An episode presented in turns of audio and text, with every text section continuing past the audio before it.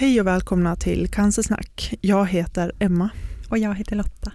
I den här podden pratar vi om cancer och idag har vi bjudit in en otroligt intressant gäst som heter Gunnar Johansson. Ja, verkligen. Han är professor i kostvetenskap, i hälsovetenskap och i folkhälsovetenskap. Ja. Jag tror även han är tandläkare faktiskt. Hans CV är ju mäkta imponerande alltså. Ja, det är typ en mil långt. Mm. Eh, ja, men det är superkul att vi har honom här med oss idag. Och han, han står ju väldigt mycket för det här att han vill förmedla kostens betydelse. Och det han också jobbar med mycket nu är hur man förmedlar kostens betydelse och hur man förmedlar kostråd som handlar om samband mellan, mellan kost och sjukdomar. Mm. Ehm, För det är en, en stor bit att jobba med. Ja, och kosten skapar ju lätt väldigt mycket reaktioner när man pratar om det, speciellt i samband med sjukdom och cancer. Jättemycket. Eh, Det vet ju både du och jag Lotta, att, Ja. att det är, det kan jag bara gå till mig själv också, att, Mm. att man kan känna sig skuldbelagd och, och sådär när man börjar prata om vissa samband med cancer, att oj är det mitt fel att jag är sjuk nu? Ja men verkligen. Alltså, det, det har ju en dubbelhet på Mm. ett sätt. Eh, och han menar väl på och att man ska försöka att se det som en styrka istället. Vad är det man kan göra själv och vad kan man påverka själv? Mm. Hur kan man förebygga? Eh, och, och försöka förmedla det här till människor så att man får hopp och styrka av det istället för att se det som att någon står med en pekpinne och säger du gör fel. Precis. Och att, Mm. att, man, att det är viktigt, eller liksom att det är ett sätt att börja i den änden, att inge de här känslorna hos, hos oss istället. Mm. Vad jag kan göra själv? Eh, har jag det som en eget möjlighet. Ja, Precis. möjligheterna Mm. istället för att, att känna sig anklagad. Ja. Och som drabbad kan jag säga det till alla er som är drabbade eller kanske har någon närstående som har förlorat någon i cancer. Så tänker jag i det här avsnittet så tror jag att det är bra om man, man själv har möjligheter och att det här inte är något, att man inte ska känna sig påhoppad eller att jag, att jag gör fel. För att jag tror att det kan, jag vet själv hur jag tampas där med att känna mig skuldbelagd av att min tumör växer och beror det på att jag har gjort något fel? Mm. Samtidigt så vet jag att det är så mycket mer som också spelar in. Ja. Att, och det tror jag är jätteviktigt att komma ihåg. Mm. Och det är också mycket av det vi pratar om i dagens avsnitt. Mm. Vi kör avsnittet helt enkelt. Ja.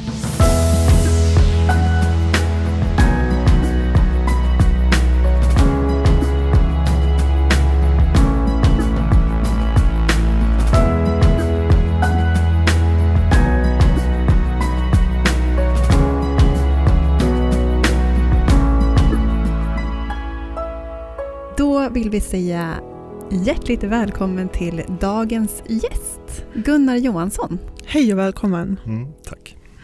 Jättekul att ha dig här. Det känns så spännande att vi idag ska prata om kost och cancer Ja. och gener. Ja, alltså, och livsstilsförändringar, livsvanor kanske vi ska säga. ja, jättekul att du är här idag Gunnar. Och det förra avsnittet eh, vi släppte så var ju Mona här och pratade om genetiken och, och dess påverkan och, och vad som händer inom, inom den världen. Så då är vi jätteglada att du är här idag och kan, kan, kan prata om livsstil och, Mm. och den biten. Men även gener också. Ja, och även gener. Ja. Ja. Men Gunnar, vem, om du skulle beskriva dig själv, vem är du? Ja, eh, jag började forska om kost och cancer för ungefär 30 år sedan på Karolinska institutet. Och sen skriva en avhandling om kost och cancer eh, 1990. Eh, och sen har jag fortsatt i det fältet. Jag var i Cambridge i England några år. Och sen vid Umeå universitet ytterligare några år då. Eh, så att eh, jag forskar väldigt mycket då på eh, orsakerna till cancer och framförallt kosten som orsak. Men sen eh, 2006 så började jag jobba på Statens folkhälsoinstitut. Eh, och då började jag titta mer på att eh, all den här forskningen kom inte riktigt till nytta utan eh, folk kunde inte ta till sig det och det var mycket lätt frågan hur. Hur man för fram ett budskap mer än, än vad. Och det finns ju jättemycket forskning på vad. Eh, så därför blev jag intresserad av hur och hur det kommer sig då att, att all den här forskningen inte kommer till användning på något sätt. Du är också professor i hälsovetenskap. Ja, just det. Vad in, alltså om man säger hälsovetenskap, vad ingår i det egentligen? Det känns väldigt stort. Ja, det är ju väldigt stort. Så det handlar ju om livsstil i stort. Då. För min del är det ju mest kost och fysisk aktivitet. Då. Men, men det är ju alla livsstilar som eh, alkohol och rökning och eh, ja, det här psykiska, då, hur man tänker. För, för du är ju också verksam i en, är en förening som, som kallas för Läkare för framtiden. Ja, just det. Jag sitter i vetenskapliga rådet för Läkare för framtiden. Mm. Mm. Vad, vad gör ni och vad är er utgångspunkt? Det är framförallt en eh, cancerläkare som heter David Stenholt som lägger ut information om sambandet mellan kost och sjukdomar. Och eh, det visar sig det att det är en växtbaserad kost som skyddar mot de mesta sjukdomar. Mm.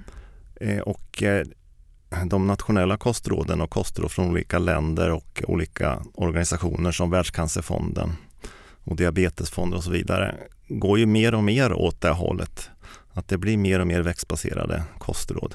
Men hur mycket, hur mycket forskas det just nu på, på området kost och cancer?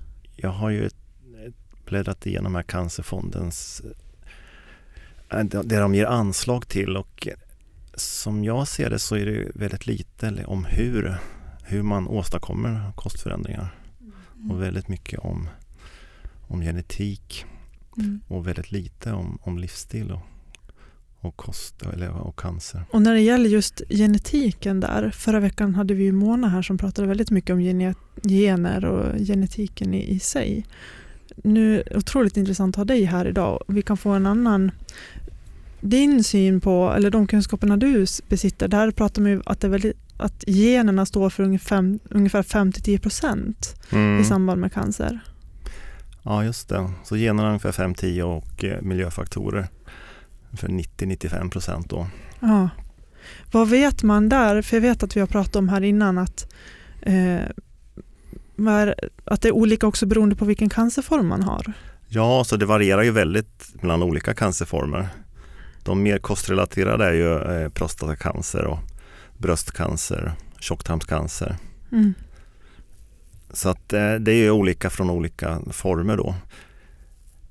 Men det är, det är ju slående hur lite vi egentligen informeras om de här starka sambanden. Ja, för att Livsmedelsverket har väl gått ut med nu att, att eh, en minskad mängd av intag kött är, är, gör oss gott för hälsan. Och det var väl ganska nyligen egentligen som de gick ut med den informationen. Um, varför, eh, varför görs det inte mer eller varför informeras det inte mer om det här tror du? Ja, jag tror mycket det har, det finns en så kallad köttnorm i samhället då att, att det är det som är det normala och det är det som är normen och det är väldigt svårt att bryta mot en norm. Mm. Och när jag började forska på det här eh, så fanns det artiklar från 70-talet då som visade på samband mellan kött och cancer. Så att det är ju inga nyheter då. Men eh, när det gäller information som går emot normer så krävs ju otroligt mycket forskning för att, att det ska komma in i kostråden.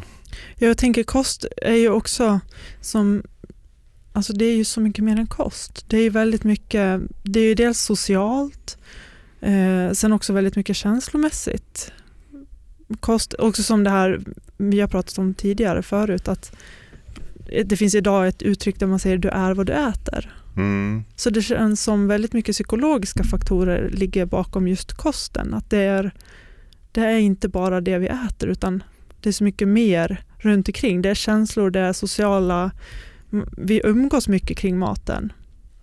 Jo, det blir väldigt svårt nu att prata om kost utan att blanda in känslor eftersom det finns eh, så mycket information då. Speciellt nu när, när nätet har kommit in då. Det är ju naturligtvis fritt och vem som helst får lägga ut vad som helst. Eh, och då finns det väldigt mycket kostråd och väldigt många människor som har väldigt bestämda uppfattningar. Mm. Eh, jag jobbar ju på Folkhälsoinstitutet då mellan 2006 och 2009 och då var ju LCHF-rörelsen väldigt stark och eh, det blev ju väldigt mycket hatmejl från de anhängarna eh, även dit mot Livsmedelsverket och mot enskilda forskare så att det väcker väldigt starka känslor. Vi tog ju en lunch med dig här förut och då pratade vi just om, om det här och du refererade till en filosof som sa, Martinus, som sa att det är lättare att ta fel väg med flocken än att gå rätt väg ensam. Mm. Hur mycket tror du att det ligger i det uttrycket? Jag tycker det är otroligt mycket. Eh, att det är väldigt svårt att bryta mot en norm, att vara avvikande. Mm. Så det krävs eh, mod och styrka att göra det. För det är ändå lättare att, att följa med strömmen än att gå emot strömmen. Men hur, vad skulle du säga att, att folk reagerar eh, när de får veta att man kan påverka cancer genom livsstilen? Alltså, är en, en, ser man det som ett hot snarare än en möjlighet? Alltså det jag märker mest är ju hoten då, men det är ju, det är ju så att det är de man märker, men det är säkert många som ser möjligheter också. Mm. Eh, men, men många ser det som ett hot och det handlar väl om att det är svårt att, att bryta vanor. Mm. Och man vill gärna inte göra det utan man vill gärna att eh, budbäraren har fel då och då bekämpar man budbäraren. Då. Ja, nej, men det är ju ett otroligt intressant och viktigt ämne det här att prata om. Jag tänker också att det kan, eh, det kan eh, väcka starka reaktioner också, för det gör det när man pratar om, mm. om, om kostens betydelse för sjukdomar och så vidare. Eh, vi har ju till och med redan fått en reaktion ifrån en lyssnare som vi gick ut mm, för några veckor sedan med information om att vi skulle träffa dig idag Gunnar. Och då var det en, en kvinna som skrev att, att det är så svårt det här med kost och så hur man ska tänka. För min, min man var en otrolig renlevnadsmänniska skrev hon och eh, var en ett, atlet och ja, men, tränade jättemycket och levde väldigt sunt och bra och eh, hade en väldigt, väldigt sund livsstil men fick cancer och klarade sig tyvärr inte ändå. Eh, hur tänker du där? Jag tänker så här att eh, eh, på individnivå kan man inte säga någonting om när folk dör och hur mycket som är genetik och livsstil och det varierar. Och om en man dör i 47 års ålder i cancer så kan man ju tycka att det är tidigt då men hade han inte varit en religiös människa kanske han dött vid 27 år. Så in, på individnivå kan man inte säga någonting och det finns människor som dör innan de blir ett år. Mm. Och människor som dör som Churchill som blir 90 år tycker man är länge men med hans genetik så kanske han kunde bli vid 110 år. Mm. Så på individnivå kan man inte säga någonting. Men man kan genom forskning säga att kosten har väldigt stor betydelse för cancer. Mm. Men att gå ner på individnivå, det ska man inte göra då för man vet inte hur länge den här personen hade levat med en annan livsstil. Nej.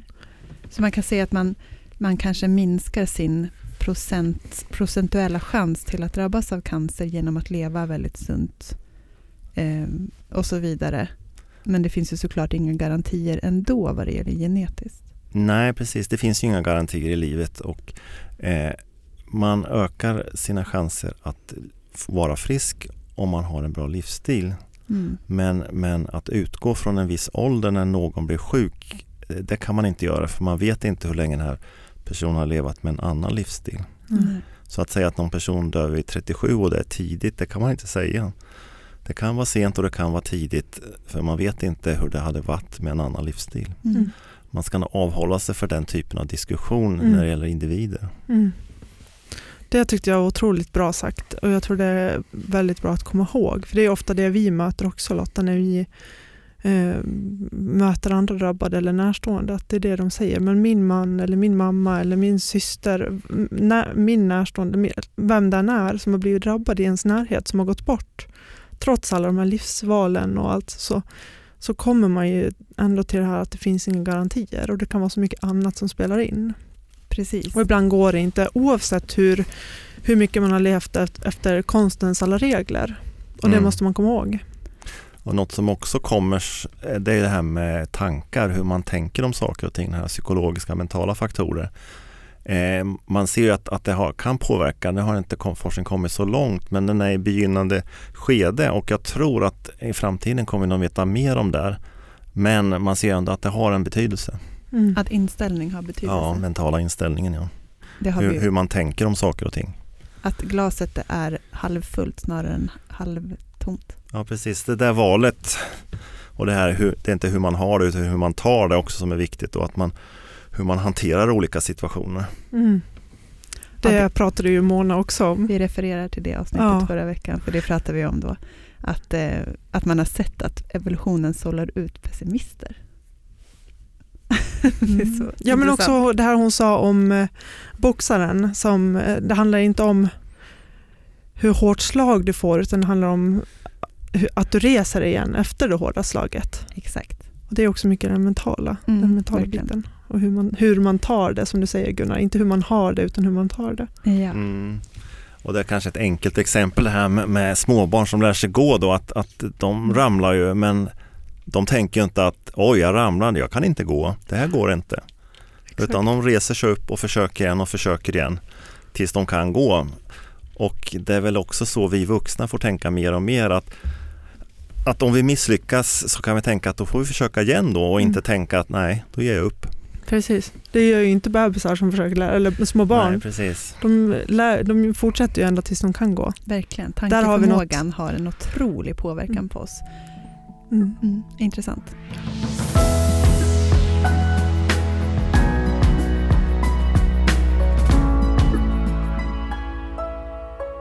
Cancerfonden hade ju en kampanj som, som hette Nej till cancer.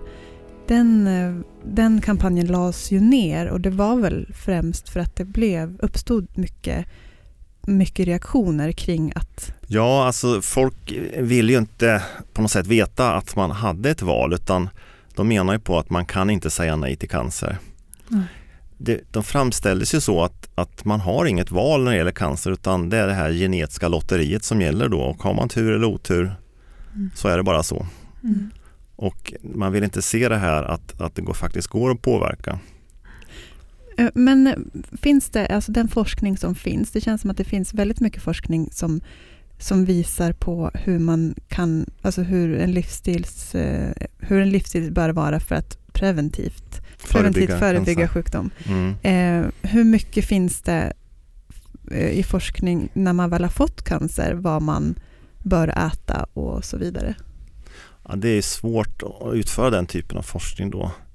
Att, eh, det, om det är svårt sjuka människor så är det ju väldigt svårt etiskt att göra forskning mm. på den gruppen. Att man kan liksom inte som man gör i, i annan forskning dela in dem i försöks och kontrollgrupp och lotta till försöks och kontrollgrupp och, och testa olika saker. Att, att det går inte. Mm. Så att det är ju liksom rimlighetsantaganden man får göra då. Mm. Okej. Okay. Eh, men, men du menar att det finns mycket forskning som, som ändå har gjorts hur man eh, preventivt kan ja. förebygga? Eh, men varför tror du inte att...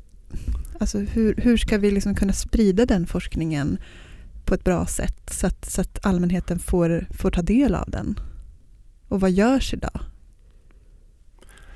Ja, alltså, jag tror nog att eh, en stor del tycker jag ska läggas på, på Livsmedelsverket och, och Folkhälsomyndigheten att det ska finnas saklig information där om de här sambanden mm. som folk kan ta till sig. Och man behöver liksom inte ha kampanjer, va? men det ska finnas saklig information som säger det här. Mm. Eh, för att det är ju ändå sånt som eh, när folk inte vill ändra sig så vill de ju heller inte höra det här. Precis. Men eh, tror du att det är den vägen som är den bästa att gå ut med information eller behöver vi, behöver vi ändra beteenden snarare?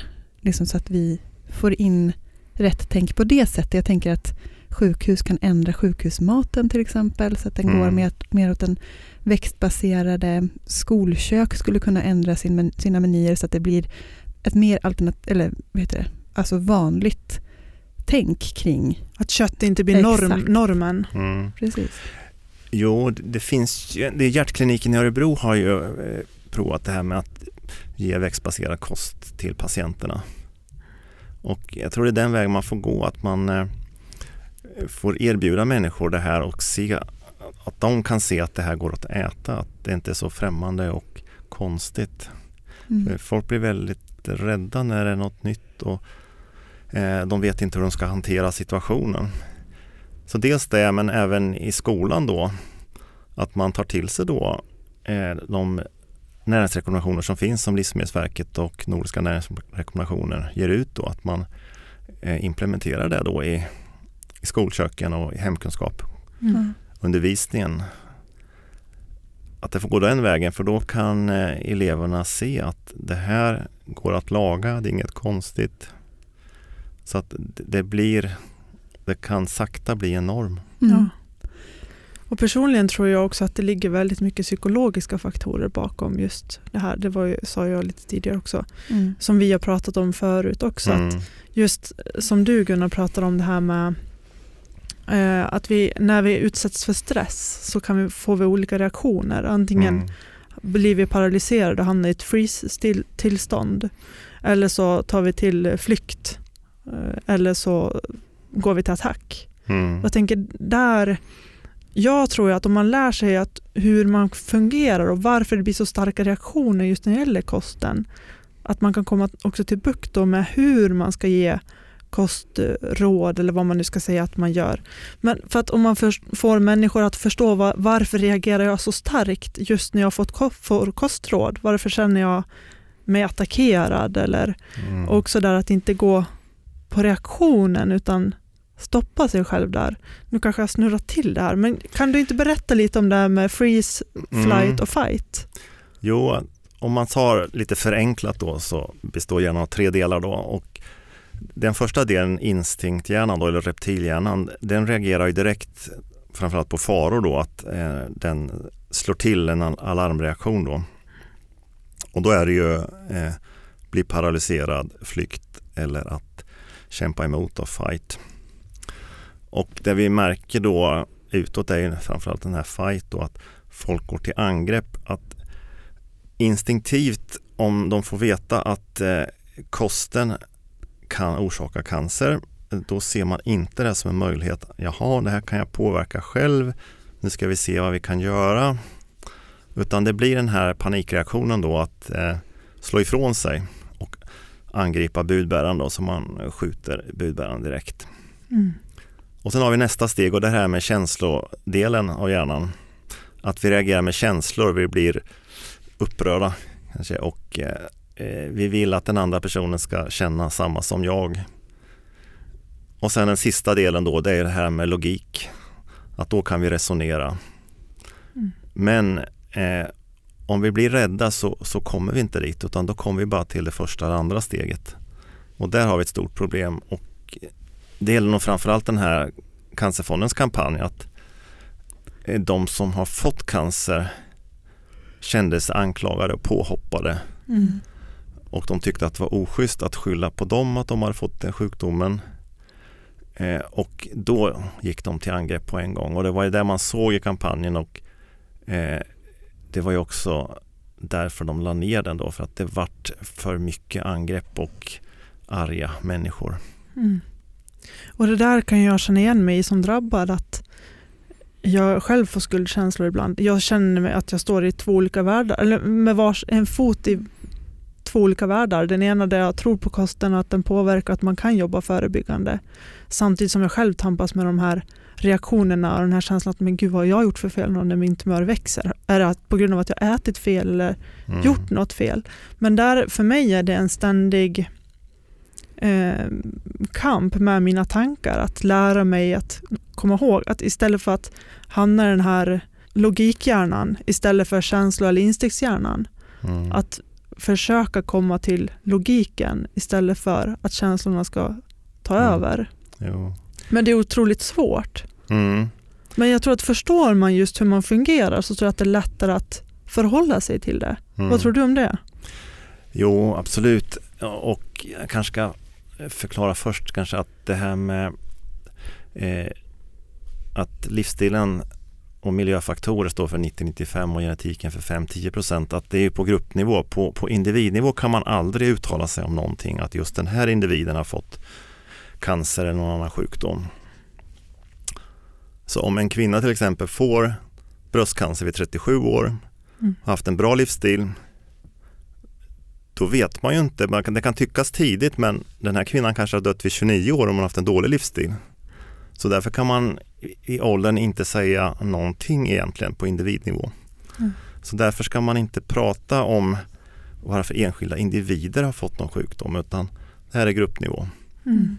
Otroligt bra att du förtydligade det tycker jag. Ja, för det pratade vi också om förra avsnittet med Mona att det finns ju de som röker, äter kött och lever väldigt ohälsosamt och ändå lever eh, och blir väldigt gamla. Så att det, det känns ju som att alltså det finns ju... Inga garantier. Nej, och det är spännande kanske. Jag brukar ta upp det i undervisningen här. Det kallas för Churchill-effekten kallas det och eh, Winston Churchill levde ju Mm. länge, han blev ju 90 år och han eh, drack ju mycket alkohol. Whisky till frukost, han rökte cigarrer och han rörde Mm. på sig lite. Eh, men han hade ju eh, föräldrar och släkt som blev väldigt gamla. Mm. Och hans eh, föräldrar och förföräldrar de, de levde ju på 1800-tal och så och blev liksom 80-90 år på den tiden var ju jättegammalt. Mm. Så att det finns ju alltid individer som har så att säga starka gener och klarar av mycket. Mm. Mm. Fast Churchill hade ju också eh, eh, problem med hjärtat. Så att eh, han var ju inte frisk riktigt då. Men, men med hans gener så skulle han säkert bli långt över 100 år. Mm. Och sen tvärtom då så finns det kvinnor som får bröstcancer vid 27 år och det finns ju barn som får innan de blir ett år. Ja. Så att det slår ju åt båda hållen det här med genetiken. En Mm. del har så att säga, bra genetik och en del har inte så bra. Jag tänker också på det, David Stenholtz han är ju onkolog. Han var onkolog för mig ett tag och jag kommer ihåg första gången jag träffade honom så frågade jag vad, vad kan jag göra med kosten? Eh, finns det några råd du kan ge mig? Och nej menar han på och sådär. Och jag har varit så frustrerad över det där så länge. För, jag fatt, för sen, nu är han aktiv, eller nu är han ordförande för Läkare för framtiden. Eh, och när när jag förstod vilka, vilken svår sits han har suttit i som läkare att ge kostråd, vilka reaktioner det kan få både från eh, ja, ska man säga, omvärlden, patienter, samhället, att, att ge kostråd. Men när jag förstod varför han sa som han sa, just för att han är budbäraren som lätt blir skjuten, som vi har pratat väldigt mycket om tidigare i samtal, att man, man vill inte vara den här som kommer med och säger att du får inte äta det här eller det här, för då... Varför är det så? Precis, varför är det så inom sjukvården att en läkare inte ger så mycket kostråd och att det är, liksom, det är väldigt svårt att, att få konkreta kostråd? Och Jag tänker ju framförallt, varför, varför, blir, varför blir man så omstridd som läkare när man ger kostråd? Mm. Ja, det är många faktorer. Alltså, en viktig faktor är ju att eh, näringslärarundervisningen för läkare, eh, den, det är ganska lite de har om det. Så att de lär sig väldigt lite om det. Så det är en viktig faktor. Och eh, det möjliggör ju också för många olika läkare att föra ut olika kostbudskap. Så att det finns ju också läkare som har helt andra kostbudskap som kan tyckas lite märkliga då, men eh, läkare har ju stor auktoritet i samhället så att de eh, får ju stor tyngd då. Och samtidigt är det ju så att eh, när, när det är den här kanske bristfälliga kunskapen i näringslära hos läkarkåren så eh, blir det väldigt svårt att prata om det. Att, eh, det är ju ändå en viss makt som läkare har att kunna skriva ut mediciner och eh, psykologiskt så, så är det ju lättare då än att ge sig in på ett fält som kost där det står väldigt mycket på nätet och det finns väldigt mycket information och eh, då blir det väldigt jobbigt för en läkare. Dels det och dels att kollegorna kanske inte är på samma linje då så att det blir motstånd inom den egna avdelningen som gör det extra jobbigt. Då. Vad tror du kommer hända på den här biten i, i framtiden? Tror du att vi kommer utveckla den till att det kommer vara mer naturligt för läkare att ge kostråd? Jag hoppas ju att utbildningen blir mer omfattande för läkarstudenter. Så att de kan ge kostråd. Jag tror att en hel del beror på det att, att de känner sig inte på säker mark. De har inte fått tillräckligt bra utbildning då för att kunna möta alla argument som patienter har läst på nätet. De säger jag läst det och det och hur är det med det och det. Mm. Och, och då kan de känna att de är på ett gungfly. Och då kanske det är säkrast att inte ta den debatten. Vi pratade ju med, med Mona förra veckan om det här med att hon tror absolut att i framtiden så kommer vi jobba mer förebyggande. Eh, att det kommer bli ungefär, ja, men vi, vi tog exemplet som när vi, när, att idag går man till tandläkaren för att förebygga hål i tänderna. I framtiden så kommer vi att eh, gå till läkaren för att få vår kropp undersökt så att vi kan veta hur vi ska göra för att förebygga sjukdom.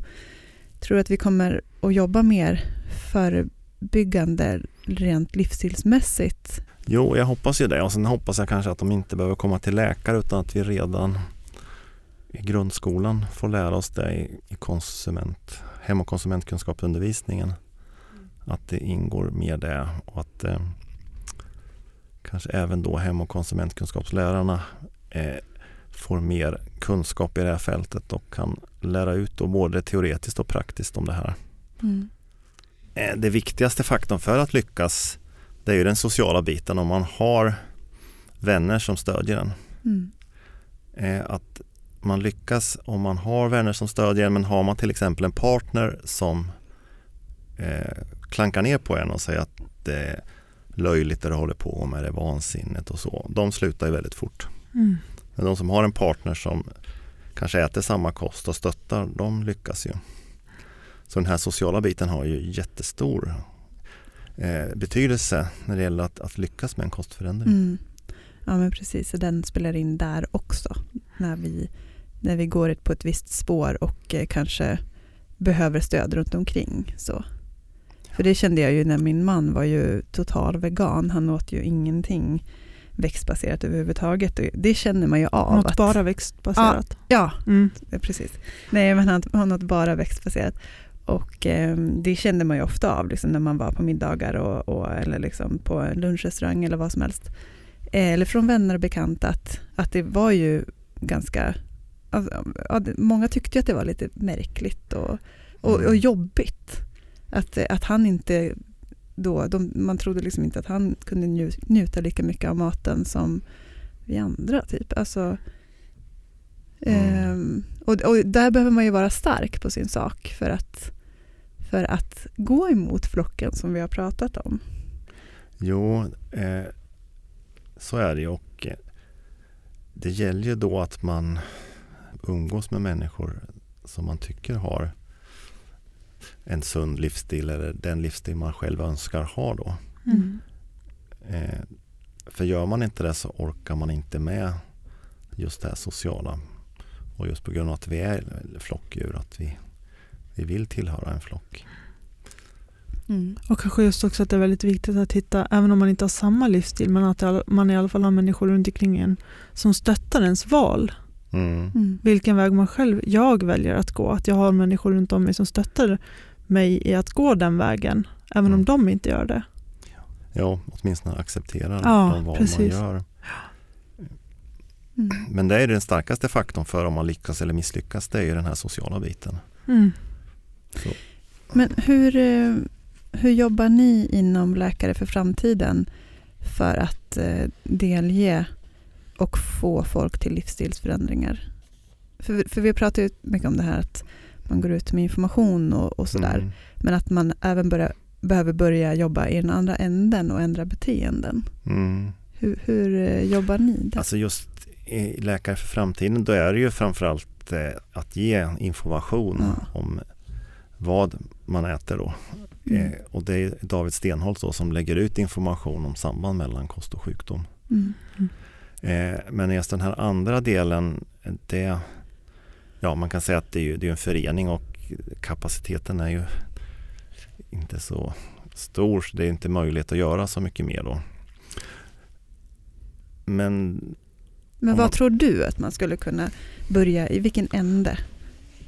Ja, alltså rent generellt, jag har jobbat mycket med, med överviktiga och det vet man ju att eh, eh ungefär 80% misslyckas med en viktnedgång då, om man tittar efter två år då. Mm. Och många väger mer än när de startade sitt försök till viktnedgång mm. efter två år. Och eh, de här 20 procenten som lyckas då, då är det ju sociala faktorer ofta som, som har avgörande. Och det här visar ju hur svårt det är med livsstilsförändringar. Att, mm. att det ändå är 80 procent som misslyckas. Så att det är ingen lätt, lätt område men, men det är ju på den här eh, vad ska jag säga, psykosociala om tankarnas betydelse eh, som man måste jobba med om man ska lyckas med, med en lång, långsiktig förändring. Mm. Ja, jag tror också att det är väldigt viktigt att bara just att prata om de här bitarna, att just att det är så stor problematik kring att ge kostråd. Mm. Jag tror inte att det är speciellt många som vet om det. Eller tänker på det. Jag har inte gjort det. Jag var, ja, men min första reaktion på David, att när han inte svarade och gav mig något kostråd, det var att jag varit irriterad, frustrerad på honom. Men idag kan jag verkligen förstå varför han inte gjorde det. För att han satt i en knivig sits som läkare, att han, han mötte ett motstånd bland sina kollegor. Mm. Mm. Googlar man på honom så kan man också hitta artiklar där han har varit i blåsvädret och allt vad det har varit. Just för att han har gett, eller han, ja men just de här bitarna med att ge kostråd. Mm. Och jag tror att som drabbad, hade jag fått det svaret, fått reda på det på en gång så hade jag haft en helt annan förståelse för honom och ett helt annat tänk istället för att gå runt och känna mig frustrerad och arg nästan över att vad fan mm. håller sjukvården på med? De ger inte, jag har frågat vad jag kan göra men jag får bara svara att nej du kan inte göra någonting. Nej, för det är lite, det vet jag att du och eh, David Gunnar har skrivit en artikel om. Det här mm. att den forskning som faktiskt finns kring kost och cancer och framförallt då förebyggande kost och cancer. Att det finns mycket forskning kring ämnet men att man delger inte den i, i så stor omfattning och eh, kampanjer läggs ner och så vidare. Varför man då ska ge pengar till forskning när man ändå inte kan, alltså när man ändå inte får ta, ta liksom del av resultatet. Mm. Eh, vad, hur tänker du där? Hur... Eh? Jo, jag har ju själv forskat samband mellan kost och cancer i 30 år ungefär och eh, jag vill också slagits av det att att man hittar så starka samband mm. att det inte kommer ut mer om det.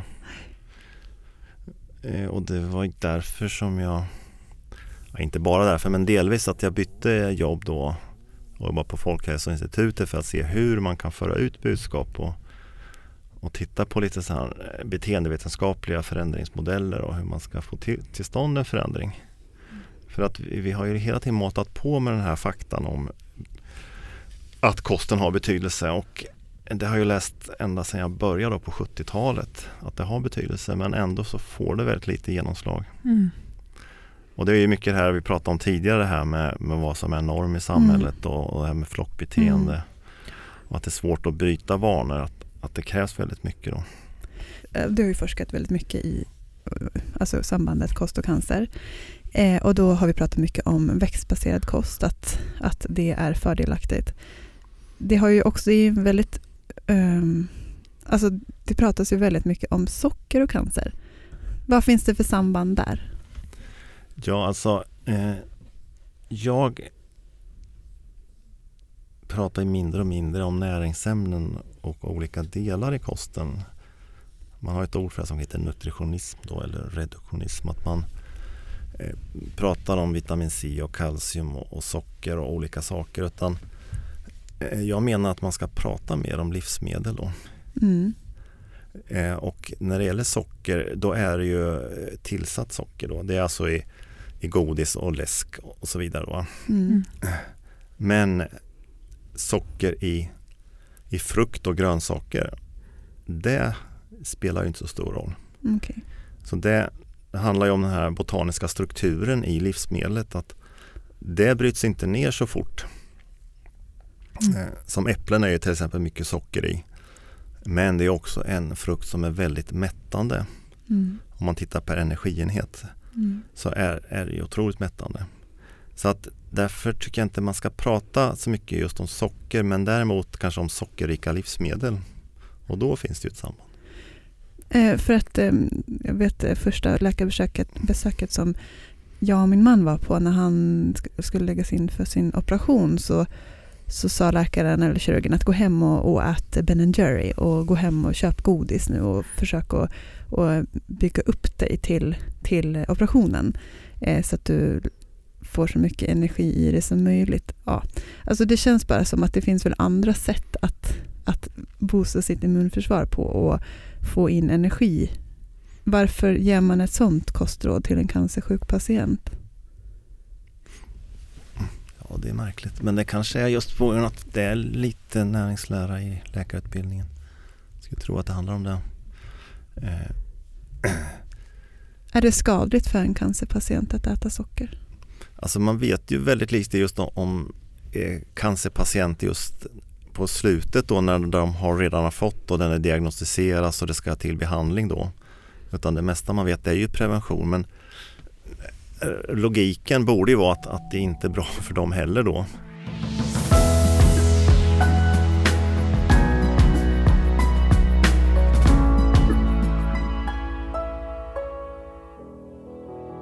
Jag tänkte ta upp lite mer om det här med, med nutritionism och så. Mm. att eh, man pratar, En del pratar liksom om, om proteiner och, och fetter och kolhydrater och så. Att kolhydrater är inte bra och så. Eh, men återigen att, att man ska inte prata om näringsämnen så utan man ska prata om livsmedel och mat. Dels eftersom vi äter mat, vi äter inte näringsämnen. Och, och kolhydrater är, är så svårt för att det finns ju väldigt bra kolhydrater. Så frukt och grönsaker eh, innehåller ju väldigt mycket kolhydrater. Och till exempel potatis som är ju väldigt mättande då, fast innehåller väldigt mycket kolhydrater. Och, och proteiner är ju inte så mättande. Det framställs ju så, men det är ju inte så. Och generellt sett så äter vi ju för mycket proteiner. Vi bör ju dra ner på proteinintaget. Men eh, så därför blir ju debatten väldigt konstig när man pratar om näringsämnen. Utan jag tycker att vi ska helst släppa det och prata om mat och livsmedel istället.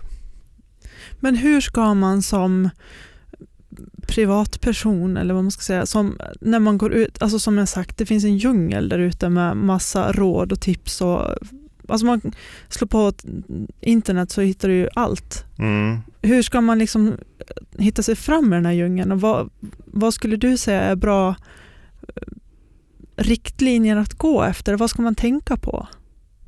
Ja, man ska tänka på avsändaren då att det ska ju finnas en avsändare typ det här med Nordiska näsrekommendationer eller World Cancer Research Fund eller olika ja, diabetesorganisationer och så vidare.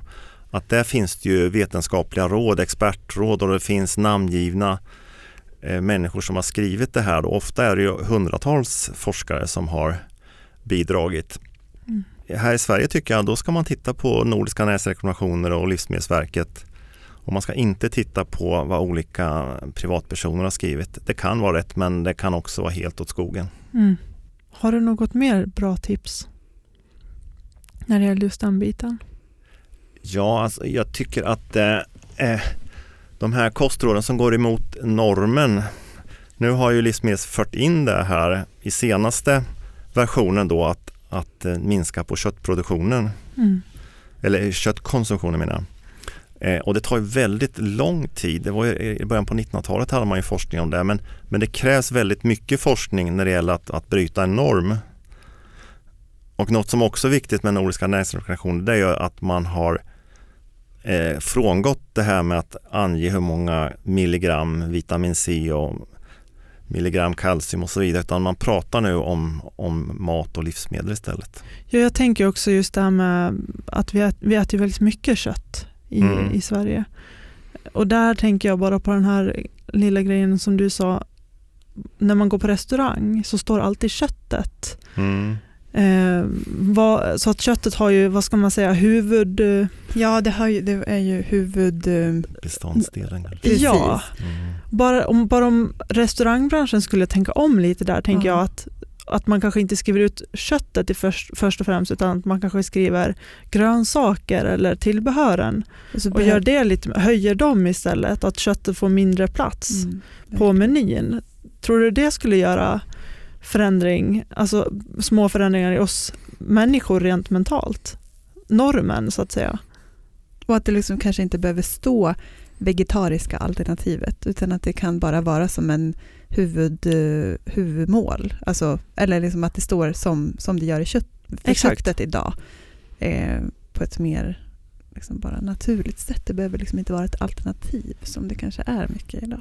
Nej, jag tror också det att man om man kanske börjar med att skriva de eh, vegetariska måltiderna man har, kanske börja med dem Mm. eh, så tror jag det får en positiv psykologisk effekt. Mm. Och kanske inte gör någon stor grej att det är ett vegetariskt alternativ. Att det, det är inget alternativ utan det är en del av vår meny. Precis. Men det, jag tycker att vi har kommit ändå en bit på vägen där. Det var ju bara som när vi, skulle, när vi åt lunch med dig Gunnar så var vi på ett ställe och så sa du att jag äter bara vegetariskt. Och så bara, ja, men vi, de borde väl ha någonting och så kollade vi på lunchmenyn och då var det, då var det fyra olika alternativ på lunchen då, och det var bara vegetariska eh, alternativ. Det fanns inget köttalternativ. Mm. Så det känns som att många restauranger har ju ändå Mm. kommit en bit på vägen vad det gäller det här. Jag tycker att man har sett en utveckling bara på de senaste åren. Och bara, alltså min man började vara vegan för tre och ett halvt år sedan där nu, när han fick sin cancer. Och bara redan då så tycker jag att det kändes som att vi gick emot normen mer än vad vi man gör idag om man blir vegan eller vegetarian. För det här pratas väldigt mycket om nu. Mm. Och det är kul för det, det känns som att vi verkligen är på väg åt rätt håll. Jo, man pratar ju om kritisk massa och tipping point, att det krävs ett visst antal individer för att någon, ske en förändring då. Och jag tror vi har kommit dit i vissa områden och, och vissa restauranger är ju mer framåt än andra. Så att, eh, jo. Sen är det kanske mer i storstäderna, Mm. tänker jag. Än i Att man har kommit längre. Ja. Ja, Mm. exakt.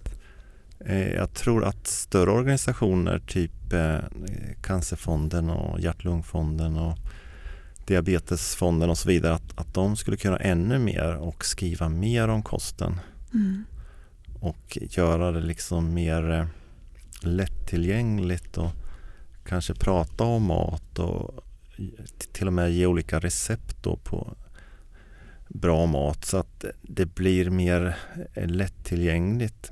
Mm. Att det blir väldigt svårt att ta till sig då att, att man skriver att kosten har si och så stor betydelse men Ja. på individnivå hjälper det ingen människa utan det, då måste man vara mer konkret. Precis. Ja, gud, det där vet jag ju när vi eh, skulle bli veganer när min man insjuknade. Så var det ju jättesvårt i början för att det var ju vi bara, "Jaha, nej men nu blir det bruna bönor och typ ko, vad heter det, quinoa. Alltså Mm. man hade liksom ingen aning om hur mycket fantastiska recept det faktiskt finns och hur mycket bra och god mat som finns. Jag tror att många tycker att nej, men det blir för svårt och det blir för kompl- komplicerat. Man vet inte i vilken ände man ska börja i. Jag tror också att man kan göra som Hjärtkliniken i Örebro att, att man serverar eh, växtbaserad kost till patienterna. Och man, det skulle man kunna göra på många andra avdelningar också. Ja. På canceravdelningar och Mm. diabetes. Så att det är ju liksom det, är det här praktiska, konkreta som jag tror det är den största bristen att det finns så lite av det. Mm. För att det blir inte så konstigt sen om man har prövat det. Precis. Det är vanesak det där mycket också. Mm. Men jag tänker att det kanske inte behöver vara så allt, allt eller inget heller. Nej. Utan att, att man gör så gott man kan i den situation man är i. Eh, och att man faktiskt inte behöver liksom köra 100% Mm. åt ett håll. För då kanske det också blir svårt att liksom bara från den ena dagen till den andra ta bort allt som man kanske tycker Mm. om. Förstår ni vad jag menar? Ja, det tror inte jag. Jag tror mer små steg är bra. Att man successivt mm. byter ut om det är så att man vill gå den vägen mot mer växtbaserad. Det var ju faktiskt i, i dagens Metro, den här krönikan av Cissi Wallin, ja. Alltså den 7 juni 2017. Hon skrev ju det att eh, hon slog ett slag för alla halvmesyrer och halvdana försök. Att, Mhm. att det är bättre kanske att, att pröva vegetarisk kost någon dag i veckan då Mm. än att bara helt gå över för det är väldigt få som gör det. Då. Men, men om väldigt många byter ut några måltider mot vegetariska Mm. Så har det väldigt stor effekt. Det är framförallt på miljön då men, men även på individnivå, sin egen hälsa. Mm. Så att jag tror också mycket på det här med lite halvmesyr, att man behöver inte gå hela vägen men man kan pröva någon Mm. dag i veckan, någon måltid då och då. Ja, för jag tänker att det kommer leda, leda liksom till att det blir mer och mer. Mm. Så. Framförallt blir det mer accepterat. Mm. Det blir inte Absolut. så konstigt då och det kan till slut bli en, en norm. Ja.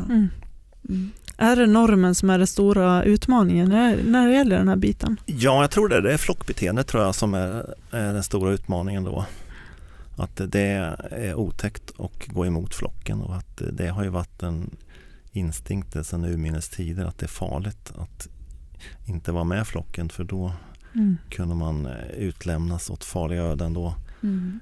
Så att det, det tror jag nog är en, en av de tyngre grejerna. Ja. Hur mycket pratar du om de här bitarna när du jobbar? Just de här psykologiska och sociala bitarna.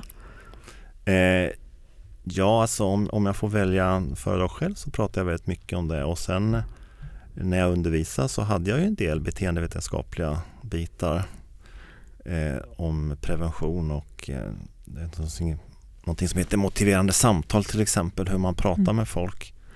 Eh, så att jo, jag förde in det mer och mer i undervisningen.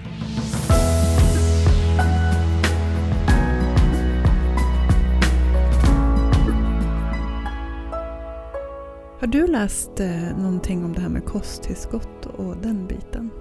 Eh, jo då. Det, Hur, ja, hur, hur ser du på den biten? För det förespråkas ju också eh, mycket om inom vissa kretsar att man ska äta ett kosttillskott och att man ska undersöka vad det är man har, man har brist på och så. Eh, nej, jag förespråkar att man ska äta mat och inte kosttillskott. Det finns ju flera studier som visar att de som äter kosttillskott får mer eh, cancer än de som inte äter kosttillskott. Så att eh, eh, det finns inte stöd för att kosttillskott skulle vara bra. Tvärtom då, att det kan vara farligt. Ja, för det har jag hört att man speciellt som, som cancerdrabbad att man inte ska äta kosttillskott. Mm. Varför? Ja, så egentligen vet man inte varför men, men man ser ju att de får mer cancer. Ja. de som äter kosttillskott. Rent teoretiskt så kan det bero på att det blir en obalans.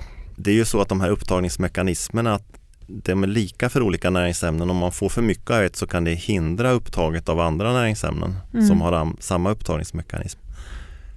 Och de här studierna med eh, kosttillskott, det är ju en, när de säger att det är bra så har de ju inte gjort studier på kosttillskott utan de har ju gjort det, det är ju på mat helt enkelt och då har de överfört det till kosttillskott. Mm. Och det är väl där felet ligger då. Mm. Vitaminer och så, hur, viktiga, hur viktigt är det att vi har rätt vitamin? Eh, det är Mm. samma sak där då att jag tycker inte vi behöver prata om vitamin utan vi pratar om mat och livsmedel då. Mm. Att det är väldigt svårt att man får ju fram väldigt mycket statistiska samband när man gör studier om kost och, och sjukdomar. Att, men det, det är också många samband som blir samma för olika näringsämnen eftersom frukt och grönt innehåller väldigt mycket näringsämnen. Och då kan, om man får ett samband med vitamin C och en sjukdom så behöver det ju inte vara ett orsakssamband. Det är bara ett statistiskt samband men egentligen det här sambandet eh, beror på att vitamin C eh, förändras på samma sätt som något annat ämne. Mm. Och ofta är det det man kallar för fytokemikalier. Det finns ju hundratusentals ämnen som inte är näringsämnen som också har betydelse för hälsan. Mm. Det enda gången vi börjar äta kosttillskott är om vi har en, en brist som är påvisad med något test då. Mm. Men annars ska vi inte göra det. Okej, då ska vi försöka få i oss det via kosten istället. Ja. Mm. Otroligt bra. Det här, jag sitter här och bara, ja, jättebra att höra tycker jag faktiskt. Mm. För att det finns otroligt mycket Ja. olika riktlinjer och råd där ute. Som den här Jo, djungeln alltså, Det är återigen. klart att de som eh, tillverkar kosttillskott, det är klart att de vill sälja mer och göra reklam för det. Mm. Men de pratar hela tiden om samband mellan olika näringsämnen och sjukdomar. Mm. Men studierna är inte gjorda på kosttillskott. Nej. Ja, det finns ju en miljard frågor som man skulle kunna ställa. Vi skulle nog kunna sitta här i ett par timmar till, känner, känner Mm. jag. Eh, men vi måste ju börja avrunda för nu har vi suttit en stund. Och då, då tackar vi dig så jättemycket för att du kom till oss idag och pratade om det här. Tusen Mm. tack. Tack ska ni ha. Och tänk på det där ute, käka mat. Ät maten, den är viktig. Ja.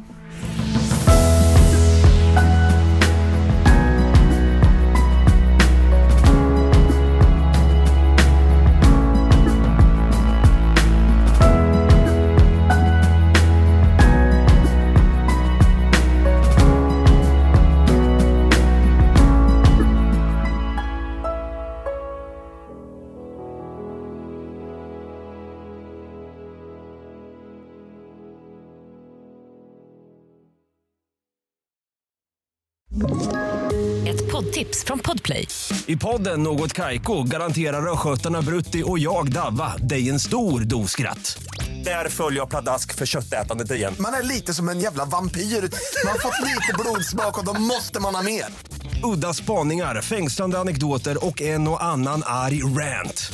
Jag måste ha mitt kaffe på morgonen för annars är jag ingen trevlig människa. Då är du ingen trevlig människa, punkt. Något Kaiko, hör du på Podplay. Därför är gardinerna.